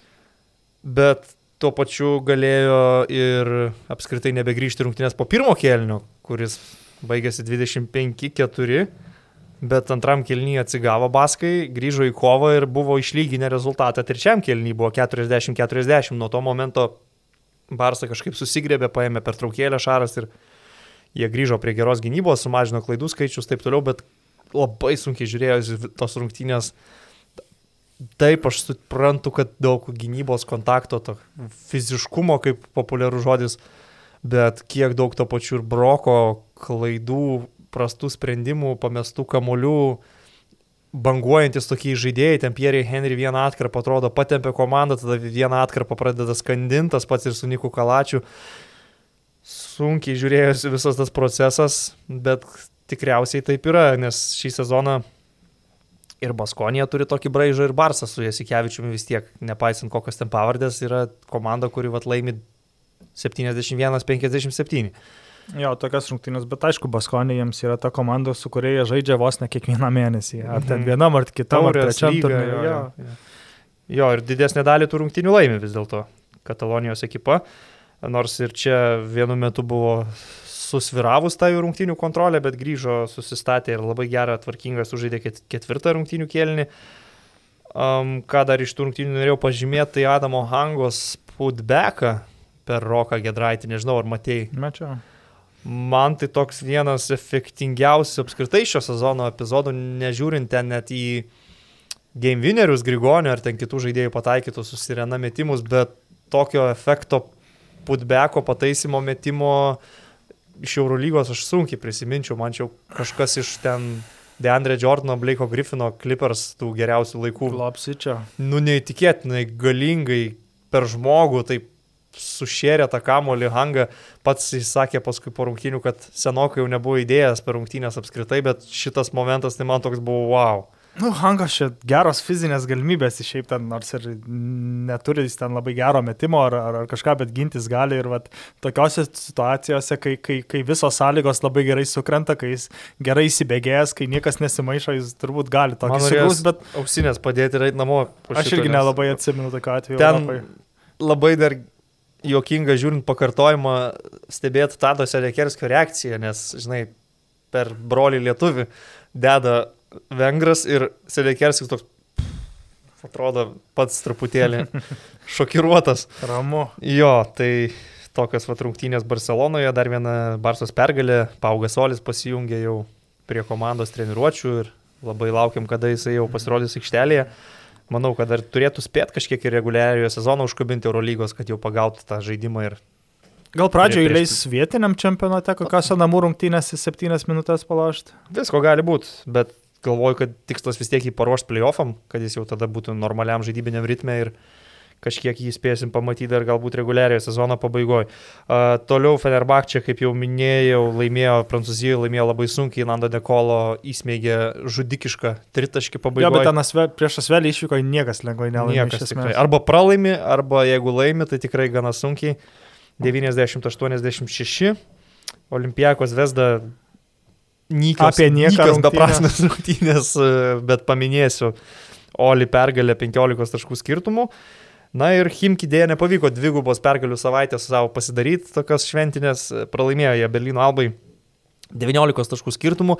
Ir žinant dabar, kad juos kaip ir palieka Miki ir Makolumas, dar mažiau liks žaidėjų. O neaišku, nuo kada jau. Nežinau, tai nėra dar oficialu, bet jau labai daug kur skaičiau ir basketniusai tuos straipsnius rašė, kad jau čia ant dienų, ant lagaminų, kaip sakant, abu amerikiečiai. Tai žinant šitą dalyką, kad jie dabar liks jau net ir be Miki ir, ir Makolumo, ar sutiktum, kad ta vat, viena pergalė su Realu ir gavosi ta vat, viena, ką jam pavyko paimti ir dabar dar kažkur matyti pergalę jau nu, nelabai įmanoma. Ram reiktų pažiūrėti jų tvarkaraštį. Nu, galima atsidaryti tvarkaraštį, bet aš jau turiu omeny ir pagal tai, kokie ten žaidėjai lieka, nes kai jie dar pasiguldė realą vienu tašku, tai vis tiek ten sužaidė ir Mik, ir Makolomas geras rungtynės. Ir... Nu, blemba, galima skaičiuoti, kad jie vakar Eurolygos komanda pasiguldė išvyko Nu, prieš Zenitą. Negalima skaičiuoti, aš apie Eurolygos turnyrą grinai. Na, aš prieš Eurolygos komandą skaičiuoju, tai man, man skaičiuojasi, kad Nu, gerai. iš paskutinių trijų ru- rungtynių prieš Eurolygos komandas laimėjo dvi. Bet Eurolygos varžybose laimėjo vienas ir aš ja. galvoju, kad vis tiek paskutinės. Nu gerai, jie žais dabar su Zvezda Belgrade. Su normalia sudėtim galėtum tikėtis, kad kažkas bus, dar turės jie Valenciją, turės tą patį Zenitą, As, kuriam bus labai svarbu, turės Asvelį, turės SK, turės Ir Makabį ir Olimpijakosą. mhm. Kaip ir yra įmamų komandų, ar ne? Olimpijakosas jau ten paskutinėse reguliariojo sezono rungtynėse su neiškia motivacija, Zvezdava ta pati dabar, bet, bet jeigu tikrai ten dar atėmė Jordaną Mikį ir, ir Makolumą iš tos komandos, tai ten nu, nieko nelieka. Tiesiog Dabar jau ir aš turbūt šoku į tą traukinį, kad, kad šį sezoną daugiau nelaimės. Čia gal net galima tada pridėti ir VTB pirmenybės, kad iš vis šį sezoną nebelaimės. Nu jo, bet aišku, mes apie Hinkį daug ir aną savaitę kalbėjome apie to klubo apskritai egzistavimą ir, ir, ir kur jie eina. Aš vakar žiūrėjau šį rungtynę su, su Zenitu, jos buvo 12 dienos. Žinojai, kad Rusijoje kovo 8 tai Tai- yra nedarbo diena. Tai aišku, kad žinojau, ar tu manai, kad aš nebuvau atsikėlęs pasijungęs Rusijos Premier lygos? Ai, nu, supratau, jo. Ar tu manai, kad aš Kazanės Rubino susirinkti nesakiau? Jo, panašiu metu. tai vyko. prašyčiau, nenuvertint manęs. Tulos, arsen, Tulos arsenalas irgi pirmą valandą dienos žaidė. Ir ten būtent pergalės priežastis ir buvo, kaip tu sakai, turbūt galimai greitų metų komandą paliksintis Makolumas, nes tie jo stebekai ir, ir s- sidestepai tritaškį metant lemiamose atakose, tai man nieko daugiau neprimena, tik tai Lillardą. O žinant, kad... kad O brolį gal? Tai va, tai va, aš ir galvoju, ar nėra taip, kad turbūt tas Erikas Makolumas gal kokią vasarą yra dirbęs tiek su savo broliu, tiek su Lillardu kokiai porą dienų kažkokiai saliai. Ir, ir iš Lillardo išmoko tos, tos visus bairius. Gal ir s- tiesiai iš savo brolio Sidžiai, kuris, nu irgi vis tiek kojų judesiukus tos demonstruoja gan įspūdingus ir metimus po driblingų atlieka labai gerus. Ir šiaip dar kitą dalyką pastebėjau, mes jau nekartą esam sakę, kad VTB yra ten tos kitokios taisyklės rusams, kad reikia mhm. ten kažkiek turėti aikštėje, bet Zenitas buvo atkarpų, kai žaidė iš vis be rusų. Ten kažkaip pasikeitė dabar viskas, aš Tai va, nenoriu- aš ir galvoju, turbūt taisyklės pasikeitė, nes nenoriu suklaidinti. Himki vienu metu leido į aikštę visus rusus - Karasiovą, Pankrašovą, mhm. Monę, Valyjevą ir Voronovą, o, o Zenitas išleido penkis legionierius. Tai va, aš nenoriu dabar suklaidinti Tai aš galvoju, Bet, bet kažkuo tos taisyklės yra pasikeitusios. Seniau būdavo, kad turi būti bent vienas rusas aikštelėje, o dabar galbūt labiau yra, kad turi kažkoks skaičius rusų būti registruota rungtynėm, bet nebūtinai būti aikštelėje. Aš nenoriu suklysti prieš kitą podcastą, bus galima pasigilinti, pasidomėti ir, ir žinosim, nes dabar nepasiruošęs šitam reikalui. E, Pažiūrėkime į šios savaitės Eurolygą, kas dar bus be Žalgirio rungtynių su Anadolu, kurias jau kaip ir pristatėme. Brama šią savaitę jau pati pradžia, jau nusimato. įžanga nusimato kosminė ketvirtadienio vakaras, 7 val. pačios pirmos rungtynės CSK Milanas. Kas gali būti geriau. Nu, gal yra, kas gali būti geriau, bet, bet neblogai. Neblogai ir CSK Milanas. Manau, yra atvejų, kad, kad nieko negali būti geriau už tokias rungtynės. Ne, jeigu rungtynių geresnių reikėtų iško, bet jeigu tu čia kėliai, kas dar gyvenime gali Taip, būti geriau, tai gal yra vienas kitas dalykas, nežinau. Ir baigėsi, rung, spirgais, baigėsi rungtynės, Jo. pailsi, pažaidi stalo žaidimus, atsigeri, ko, ko turi šalituvė ir jungi L klasiko. Jo, 10 val. jau realas Barsa, nes kitos tarpinės rungtynės tokios, ne, Pao Makabis, Zvezda Himki ir Asvelis Alba, ne, nelabai. Geriau, kaip tu sakei, stalo žaidimus pažaisti arba PlayStation'ų ir tada jo 10 val. Brelas Barsa. Puikiai ketvirtadienio vakaro programa, o penktadienį keturios rungtynės. Startuojam su Anadolo Žalgiriu. Labai anksti, labai, labai geras laikas. Tur, turkiškas tas laikas, pusė aštuonių. Um, Baskonija Bayernas irgi rungtynės abiem komandom ganėtinai svarbios. Olimpijakos Zenitas Zenitui reikia išvykti tos pergalės prieš graikų komandą būtinai. Ir Valencija Fenerbakčia, nu, po Žalgirio manau, kad irgi visai verta pasižiūrėti. Valencija Fenerbakčia, abi dvi komandos žaidžia gražų krepšinį, turėtų būti rezultatyvios, kokybiškos rungtynės. Čia jau ant, antrą pusę žiūrėt po, po auksinio proto. Nu, aš kadangi vis tiek auksinį protą žiūriu visada grįžęs po Eurolygos e, atsisukęs jau apie vidurnaktį, tai visai gali būti, kad man gal reikės ir komentuoti dvi išėlės, tai man, manau, kad galima pasidėliotos prioritetus, nes aš manau, kad Valencija Feneris irgi bus neblogos rungtynės. Tai va, tokia savaitė Eurolygoje. Bramba, vieną apie Eurolygą pakalbėjom valandą. Tai gerai, nes daugiau nelabai apie ką bent jau aš ir turiu pakalbėti, bet dabar atiduodu tau pilnai jau podcastą į rankas, nežinau, kad esi LKL prikaupęs temų ir potemių, tai prašom pirmin prašom, važiuojam. Gerai, vakar klausytojams ir, ir mūsų puslapio skaitytojams uždaviau klausimą, aš jau pradedu gaudytis tam visam istoriją, kuriame ten visokie pausai, ten galima viską pakeisti, šriftą ten uždėti viską, šiaip niekada tokio dalyko nesimokiau ir nesudaręs, bet panašu, kad pradedu gaudytis tame, tai įvertinkit ir mano darbą, pakeičiau taip ir ne į in ar out, kad, kad, kad geriau atrodytų tas balsavimas. Tai uždaviau klausimą, ar Mindaugas Lukauskis šį sezoną taps rezultatyviausiu visų laikų LKL žaidėjų. Mindaugas Lukauskis šiuo metu yra trečioje vietoje, man čia atrodo toks visai big dealas tapti rezultatyviausiu visų laikų lygos žaidėjų. Anksčiau, aišku, tų E, rezultatų statistikos niekas nesiekė, tai turbūt Rolandas Matulis net ir baigdamas karjerą nelabai ten turbūt ir įsivaizdavo, ar jis ten rezultatyviausias ar ne, bet taip jau yra. Lukauskis šiuo metu yra trečias, jį nuo antroje vietoje esančio Žydrūno Urbano skiria 51 taškas ir beje Šiauliai būtent su Mindaugu Lukauskiu po penkių penktose rungtynėse nuo šiol, nuo, nuo, nuo šiandien skaičiuojant ir žais prieš būtent Utenos Juventusą, tai man atrodo, kad čia atrodytų Tai visai gražiai, jeigu būtent tose rungtynėse Mindaugas Lukauskis ir aplenktų Juventuso trenerį Žydrūną Urbaną, aš nežinau, ar, pavyzdžiui, LKL svarbus toks dalykas, toks va, turinio nu, kūrimas. Nu, manau, ar, kad, kad tikrai... ar parodyt, bet ar parodyt tokias rungtynės per teleką, vietoj, Ai, tarkim, vien dėl to per žalgeris teliką, pasvalys. Ne, vien dėl to per teleką gal neparodytų, aš čia gal labiau žiūrėčiau į komunikaciją ten va, socialiniuose tinkluose, kad pateikti tai kaip didelį dalyką. Tai va, tai ir, ir, ir tvarkaraštis taip jau sukrito, kad, kad tikėtina, kad tose rungtynėse Lukauskis galėtų aplenkti varžovų trenerį ir iki Matulio jam trūksta būtent iki pirmos vietos tam, kad aplenktų lygiai 140 taškų, reguliariam sezonė liko 14 rungtynių, tai iš esmės Lukauskiui reikia mest po 10 taškų, Šiauliai vis dar neprarado vilčių patekti į playoffus, bet tie, tie šansai nėra per didžiausi. Tai kaip manai, Lukauskis šiemet taps rezultatyviausiu visų laikų LKL žaidėjų? O ką žmonės sako, kaip nubalsavo? E, du trečdaliai už in. Mhm. Jo, pasakeitos skaičius. Koks yra Mindaugo Lukauskio šį sezoną LKL taškų per rungtynės vidurkį? Apie 7, 7,5. Tai jam reikia visose 14 rungtynių mest daugiau negu vidurkis, mhm. bet paskutinėse rungtynėse, tarkim, mhm. mhm. sumetė 10. Um, ne, aš galvoju, kad out, kad galbūt kitą sezoną jis dar... Sakai, dar sužaisime. Manau, kad... Aš dar... kažkaip galvoju, kad jam būtų labai gražu tiesiog užsidaryti šį sezoną su ta karjera. Ir, ir... Tai būtų gražu, bet man atrodo, kad neužteks tų skaičių ir galbūt jis daras motivacijos vienam sezonui LKL ir kitais metais užsižymėtų šitą dalyką.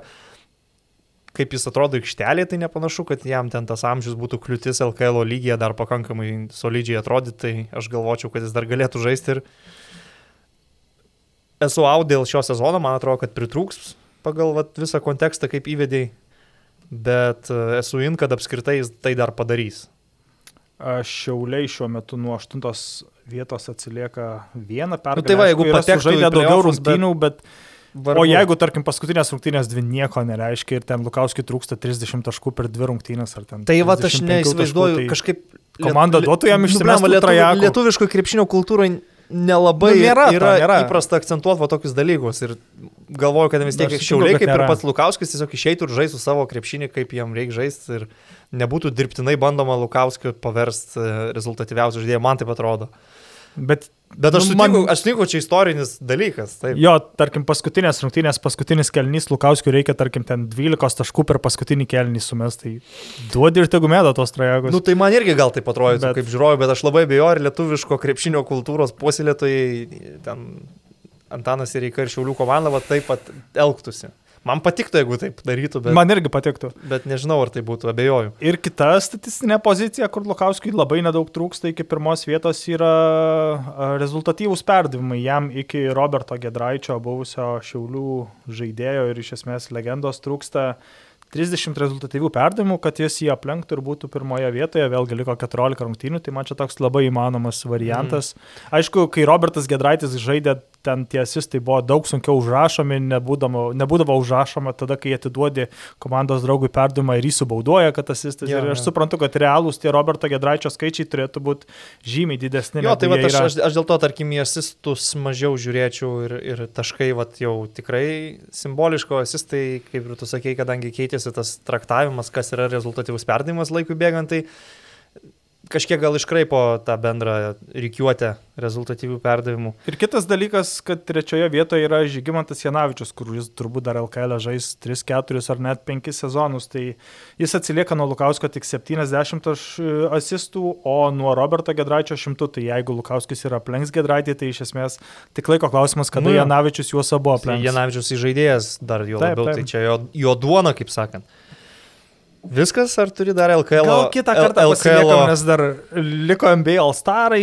Jo, trumpai jo ten NBA pakalbėt. All-Starus šiek tiek pakalbėkime, nors iš tikrųjų daug čia gal ir neprikalbėsi.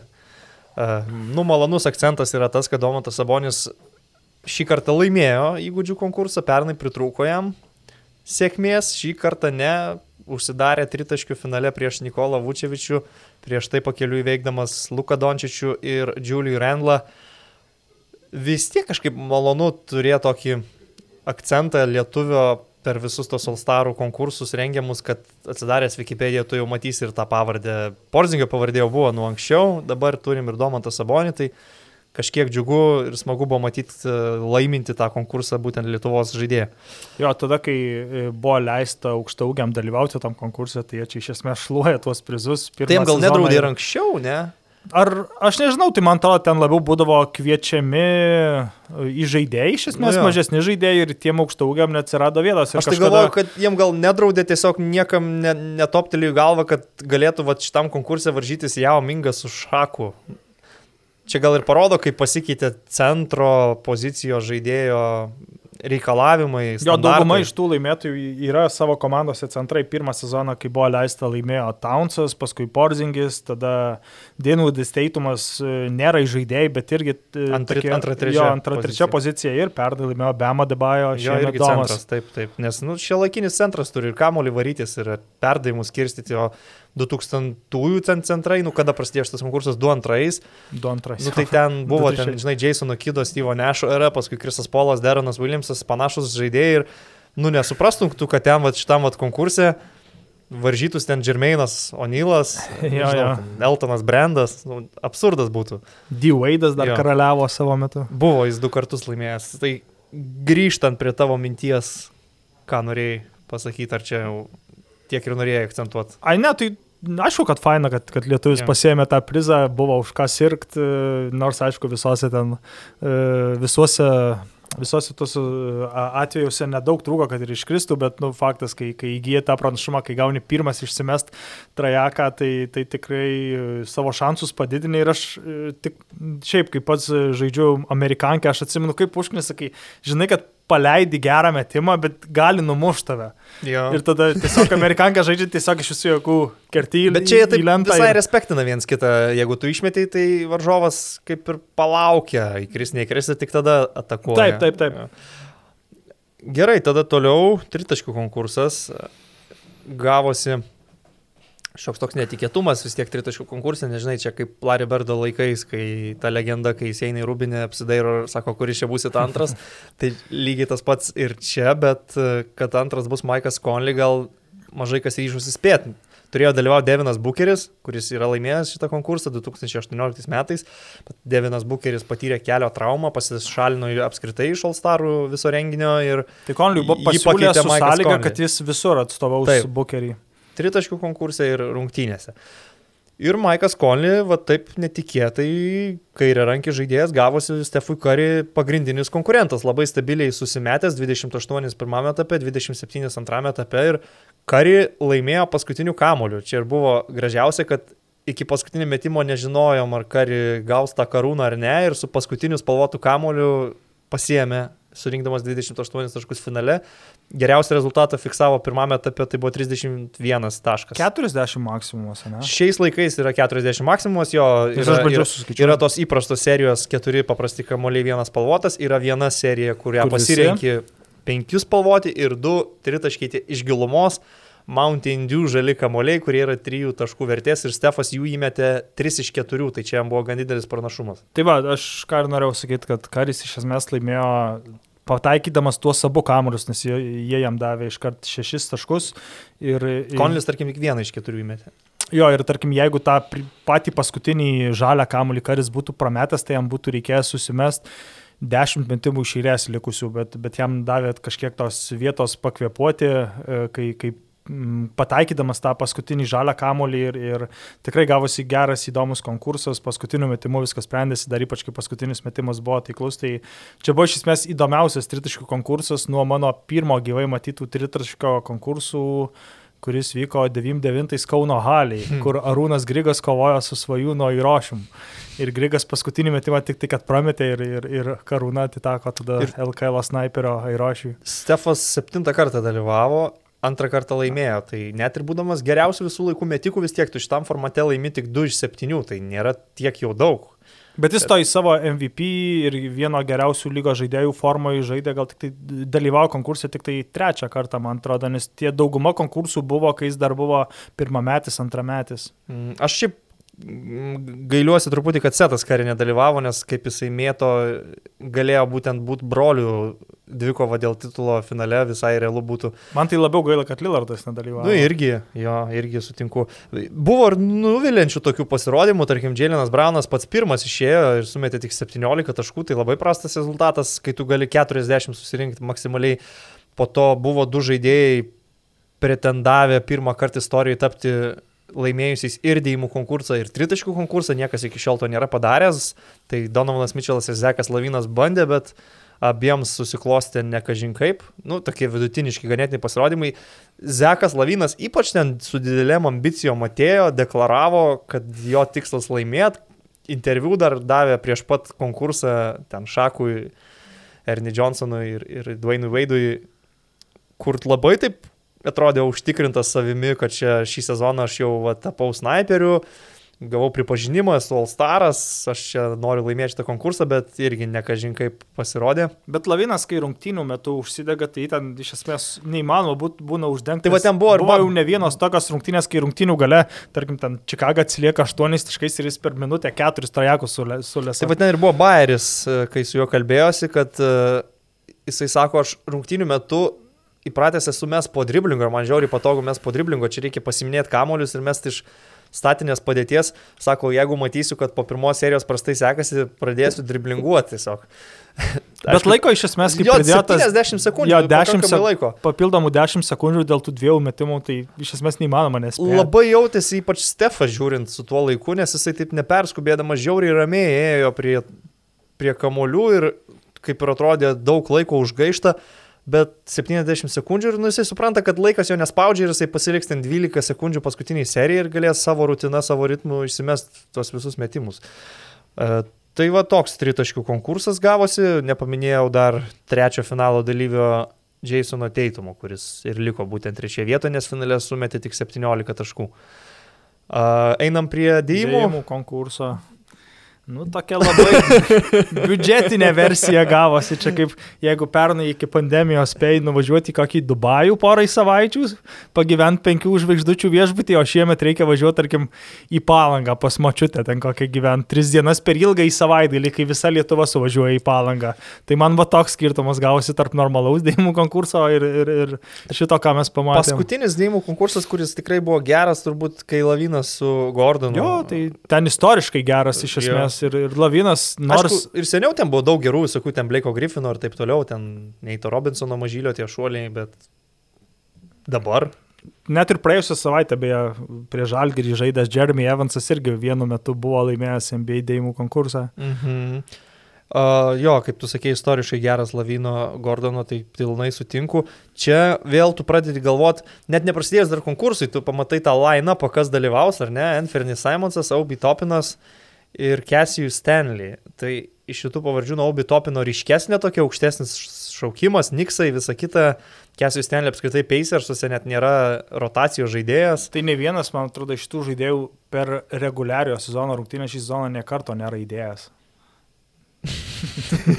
Man atrodo, ar, ar aš susimaišiau. Nu, nežinau, gal vienam podcast'e. Negaliu, negaliu patvirtinti. Uh, ir jie visi dalyvauja dėjimų konkurse. Nes vis tiek dėjimų konkursas yra tas, kur tas konkursas, kai tu žiūri, turi būti wow, ką jis čia padarė, wow, o, o ten iš esmės buvo žaidėjai, visiškai trys naunėjimai, ten kai kurių žaidėjų turbūt dauguma net nėra girdėję niekada. Ir... 21-22 metų bičiai. Aišku, aš nesakau, kad visada dėjimų konkursė dalyvauja žvaigždės, tas pats Zekas Lavinas buvo tiesiog eilinis perspektyvus žaidėjas, kai pirmą kartą dalyvavo konkursė ir, ir jis ten įrodė savo vertę ir dabar iškilo iki tokios žvaigždės, kad dalyvauja pagrindiniuose All-Staruose, tai gal kažkuriam iš šių žaidėjų dalyvausiu irgi tai pavyks, bet...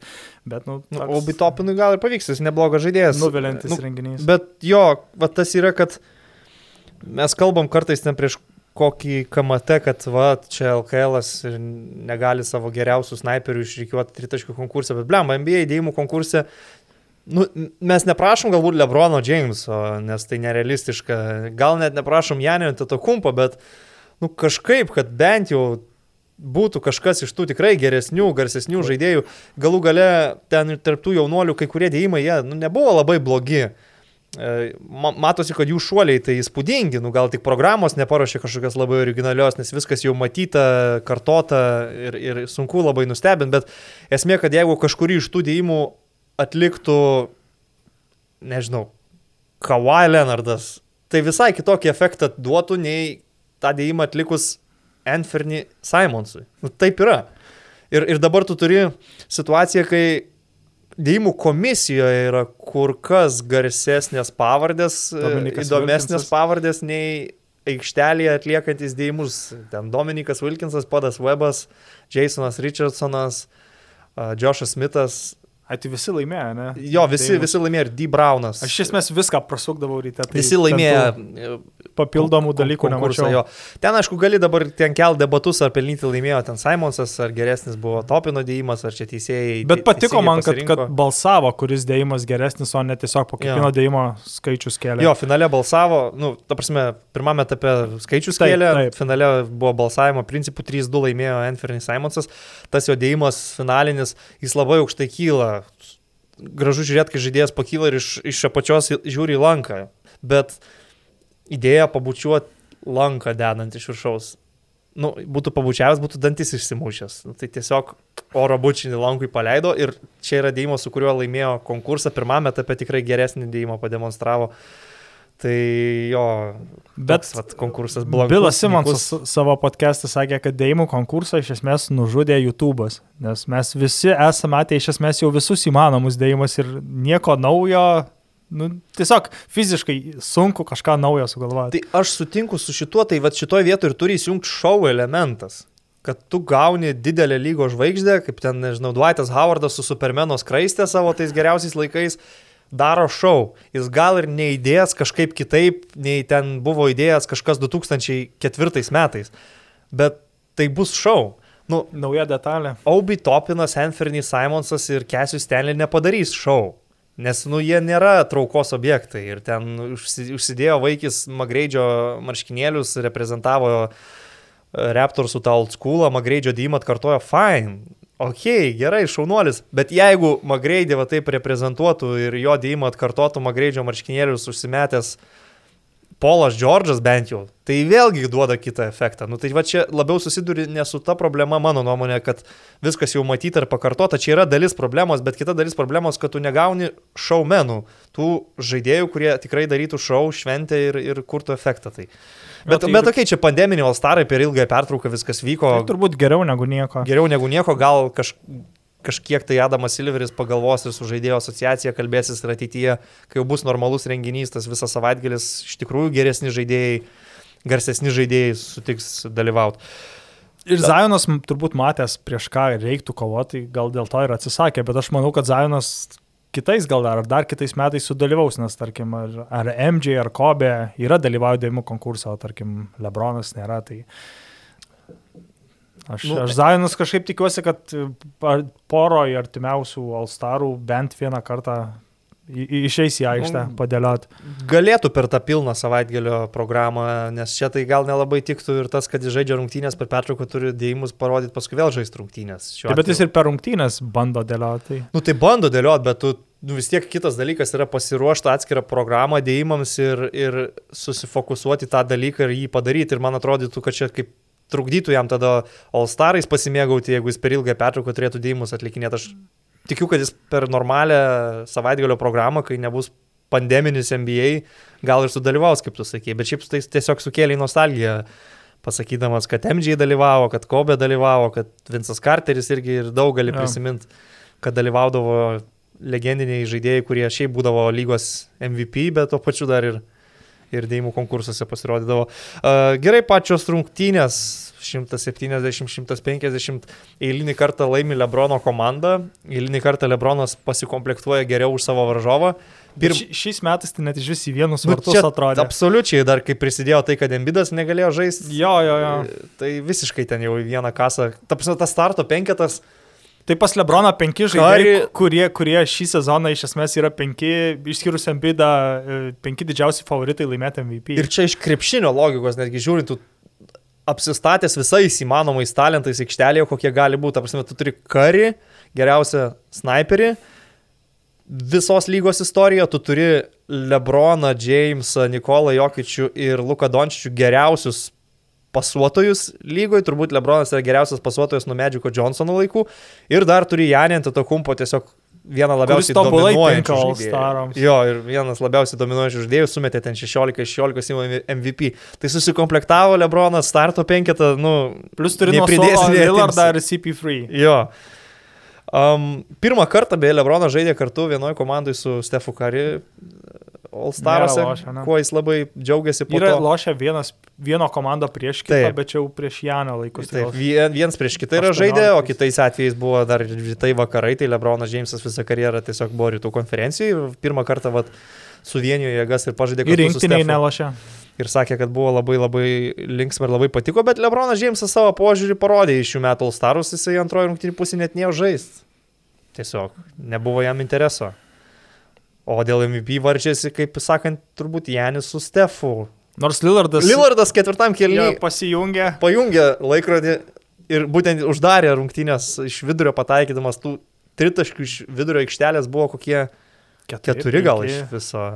Ten. Šiaip žiūrint tokias rungtynės, tokio formato rungtynės, visada kažkiek juokingai atrodo, tie žaidėjai, kur apsimeta, kad nenori to MVP, bet paskui jau kaip ir, o čia vieną idėją, o čia dar nu, prasiveržiau, paskui, o čia jau pradeda lyst, jau paskui kaip ir, kai sumetai 16-16, tai daugiau gal net ir nemesiu į grepšį, kaip čia įmanoma, kad manęs neišrinks MVP, tai tiesiog jokingai atrodo, kad lyg ir nenori, bet lyg ir nori, tai tokių žaidėjų visada būna. Anksčiau būdavo visada Westbrookas, antri ar treti metai iš eilės jis ten eina ir ant trigubo dublio ir taškosi kaip, kaip realiausia rungtynėse. Tai... Senais laikais Iversas, man labai daug imdavo ant savęs metimų. Um, reikia paminėti tai, kad Janis įmetė du tritaškius nuo lentos. Ir vieną keurą, ne? Ir vieną keurą. Tai, žinai, 16-16, aišku, didžioji dalis dėjimais, bet du tritaškius po driblingo nuo lentos įmetė. Graikas iš viso 35 taškai. Gal pritrūko šitose rungtynėse, kad pernai formatas žiauriai pasteisino, nes buvo taškas į tašką. Ir tada, kai žaidė iki tų 24 taškų nuo laiminčios komandos, niekas nenorėjo praleisti lemiamų taškų, tikrai gynėsi, buvo įspūdingos rungtynės. Aišku, atmosfera visai kita, ne, ne, ne pandemijos metu, bet šiemet man pritrūko labiausiai to, kad Duranto komanda laikytųsi kažkiek rungtynės. Jie pralaimėjo visus tos tris atskirus kėlinius, kur ten pinigai keliauja pasirinktai labdaros organizacijai, išėjo į ketvirtą kėlinį su tokiu dideliu minusu, kad pasivyt nelabai buvo ir realu ir lab, pakankamai greitai tritaškiais būtent sumetė tos trūkstamus taškus Lebrono komandai ir laimėjo. Tai, tai pradžiai Duranto komandai trūko Duranto. Jo, pirmas dalykas trūko GM komandos, kuris turi žaisti ir būti pagrindinis veidas. Antras dalykas Embidas ir paskui turim tai, kad nu, tu kaip ir nori pradėti gintis nuo ketvirto to kelnių, jie kažkiek jau ten ir bandė gintis, bet viskas jau intrigos jokios nebuvo, rezultatas tiesiog per, per daug paleista. Per didelis buvo. skirtumas ir, ir nesigavo intriga.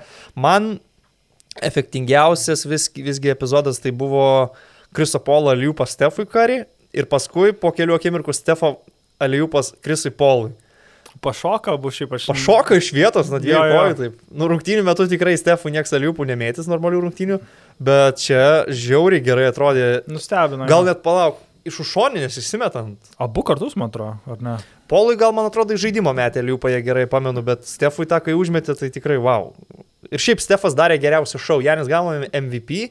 Bet Stefas darė geriausią šau. Tritaškis paleidus ir atsisukus į, į tribūnas. Uh, Iš esmės, Stefui trūko kokių poros trajekų, kad jis jo, būtų gavęs MVP. Su Lillardu dviese iš centro pašaudė, ta tie Vatalijupui su Krisu Polu, e, daug tokių efektingų perdavimų, driblingų, jisai geriausią šau darė ir atrodė labai linksmas ir patenkintas būdamas ten, nes bendra nuotaika žaidėjų turbūt apie renginį vat ir nusako, kaip aš sakiau, kad Lebronas Džeimsas neina net į aikštelę antrojo rungtinių pusėje, sėdi valgo šokoladuką ant sulelio ir viskas renginys, kurį tu užsižymėjai varnelę, kad įvyko, mhm. suspaudė viską į vieną naktį, bet principė tai gal to renginio nelabai reikėjo.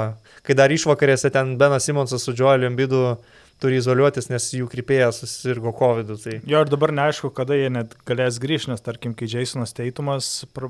dėl panašių priežasčių sezono pradžioje negalėjo žaisti, jis praleido gal ten 2-3 savaitės, tai čia pakankamai rimta, nors... Ir Filadelfija jau buvo su COVID susidūrus, kai ten pusė komandos užsirakinti turėjo ir tada ten pralaimėjo nemažai rungtynių, kai žaisdavo ten Dwightas Howardas su Embidu vienam penkite. Nu, bet tokias rungtynės gavosi, nežinau, tikrai, tikrai buvo įdomesnių ir tikrai nesigaliu nesikėlęs ir nežiūrėjęs tų rungtynių, bet aš šiaip prieš Alstarus pažiūrėjau 26 metų, kur, kur pausinau Jasikevičių mhm. žaidimą tose naujoko antramečių rungtynėse, tai visai faina buvo prisiminti, nes Jasikevičius ta, tais pačiais metais atėjo į NBA, nors ir trumpam su, su Deronu Viljamsu, su Krisu Polu, tai būtent su Deronu Viljamsu jis ir keisdavo Krisą Polą ir dar kažkurį kitą mažiuką naujoko rungtynėse, bet Ten iš esmės įskeučius pradžioj rungtynių, aš atsisukau tas dvi atkarpas po 6, po 7 minutės, ten buvo du mhm. kelniai po 20, tai nebuvo taip sunku rasti. Iš pradžių įskeučius kaip ir bandė pasuotis, čia komandiškai žais, bet paskui, kai pamatė, kad kai įmeti ten kokiam Čarliui Vilanuevai arba Čeningui Frajui kamuolį, tai ten jo nematysi.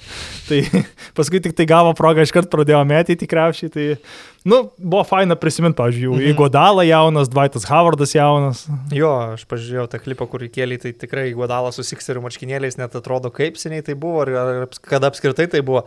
E, Rezumuodamas gal pasakyčiau taip, kad renginys vis tik gavosi nuobodokas, nustebint kažko buvo ir sunku NBA lygai, lūkesčių aš didelių renginių šiais metais neturėjau, pernai komentuodamas rungtynės kaifavau tiesiog nuo to, kas vyko išteliai, šį kartą sakyčiau, ir iš savo pusės tiesiog atidirbau ir atbuvau tą eterį, kurį turėjau atbūt iki galo, bet e, galutinė tokia mintis gavosi vis tiek, kad galbūt pandemijos fone to ir nereikėjo. Man net nejaukiai atrodė ten bandymai daryti kažkokį šou, pajungti atlikėjus iš ekrano dainuojančius arba ten kažkokie tai šokių pasirodymai.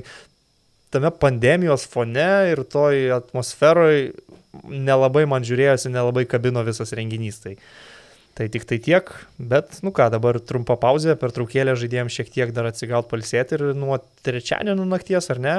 Ketvirtadienį ryte. Nu, mūsų laikų jo, ketvirtadienį ryte reguliarus sezonas grįžta ir toliau galėsim kalbėti apie jau normalų krepšinį. Nu, kiek jisai yra normalus NBA reguliariam sezone. Trūksta All-Staruose geriausio visų laikų turnyro Shooting Stars. Man patikdavo. Man irgi Ti- patinka. Team Bosch. Vienintelis renginys, kuri, vi- vienintelis renginys kuriuose, kurio taisyklėse reikia pataikyti iš vidurio, man tokie turnyrai visada Geras tas, įdomus. tas turnyriukas Gaila, būdavo, ir, ir, žinai, tas formatas, kad turi WNBA žaidėją, turi vieną legendą ir, Mhm. ir vieną dabartinę žvaigždę, tai sakau, Team Bosch. Team Bosch ten dominavo, bet geras jisai man tai žiūrėdavos, nu ir šiaip visai kitą atmosferą sukuria, kai nuo penktadienio jau pradeda savo programą, tos renginius, ten celebričių rungtynės, vat, e, tie naujokai antramečiai, vis, visi dalykai, daug bendravimo su žiniasklaida, su fanais.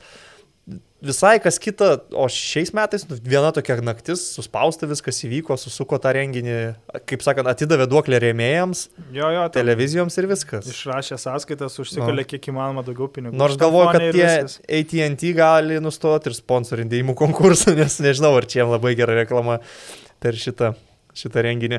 Jokauju, aišku. Pusantros valandos. Nu, užteks šiam kartui. Pasilik... Čia net ne apie viską. pa, pasilik rezervę ten LKL tas.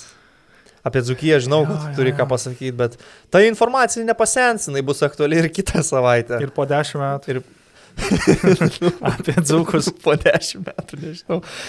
Gerai, tai ką, ačiū tau, Karoli. Pats biškiai atsigavau, iš tikrųjų toks pavargęs pradėjau, bet dabar visai atsigavau, gal net neįsiu mėgot. Nes šiandien dar laukia darbas vakare. Šiandien čempionų lyga Taip. yra žiūrėsiu. Taip, čempionų. Pirmas lyga. rungtynės aš dažnai pramiegu, pražaidžiu, praš, kažką būna išjungęs, bet antras rungtynės daugiau niekada neleisiu savo praleisti tokių rungtynių kaip Ajaxas Tottenhamas. Mhm. Du, kada 17, 18. Jo, Daugiau niekada Ten- nepramiegosiu. ten- ten- Šiandien juvė su Porto ar su kuo jie ten lošia. taip, tu teisus. Nu, ten tokių gal stebuklų ir nebus, bet žodžiu. Gerai, ką, tiek šiam kartui. Ačiū, kad klausot ir žiūrit. Dėkojom visiems basketniusų patr patronams, dėkojom ir basketniusams. Ir bandysim susitikti vėl kitą savaitę. Viso.